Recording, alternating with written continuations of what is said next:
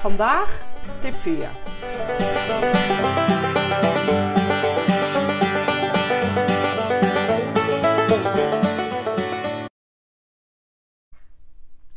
In tip 4 gaat het heel erg over doen. Over je gevoel zelfvertrouwen geven. Dus heel erg doen, reageren.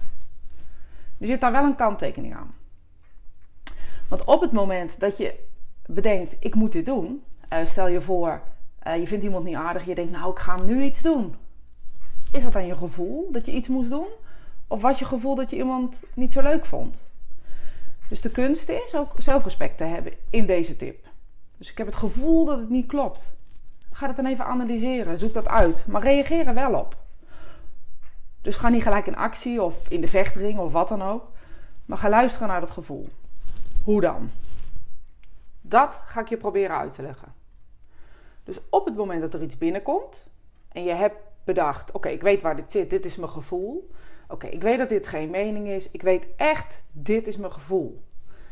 Uh, dan ga je de volgende stap is analyseren. Dus oké, dit is mijn gevoel. En hoe kan ik met zoveel mogelijk zelfrespect, maar ook respect voor mijn omgeving, luisteren naar dit gevoel?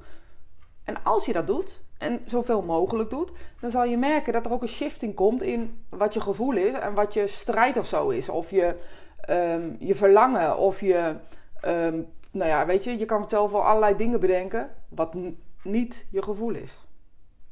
En op het moment dat je dat weet, reageren, dan is het zo leuk om te merken dat daarna je gevoel je dus gaat belonen. Dus als het ware steeds meer van die hintjes geven.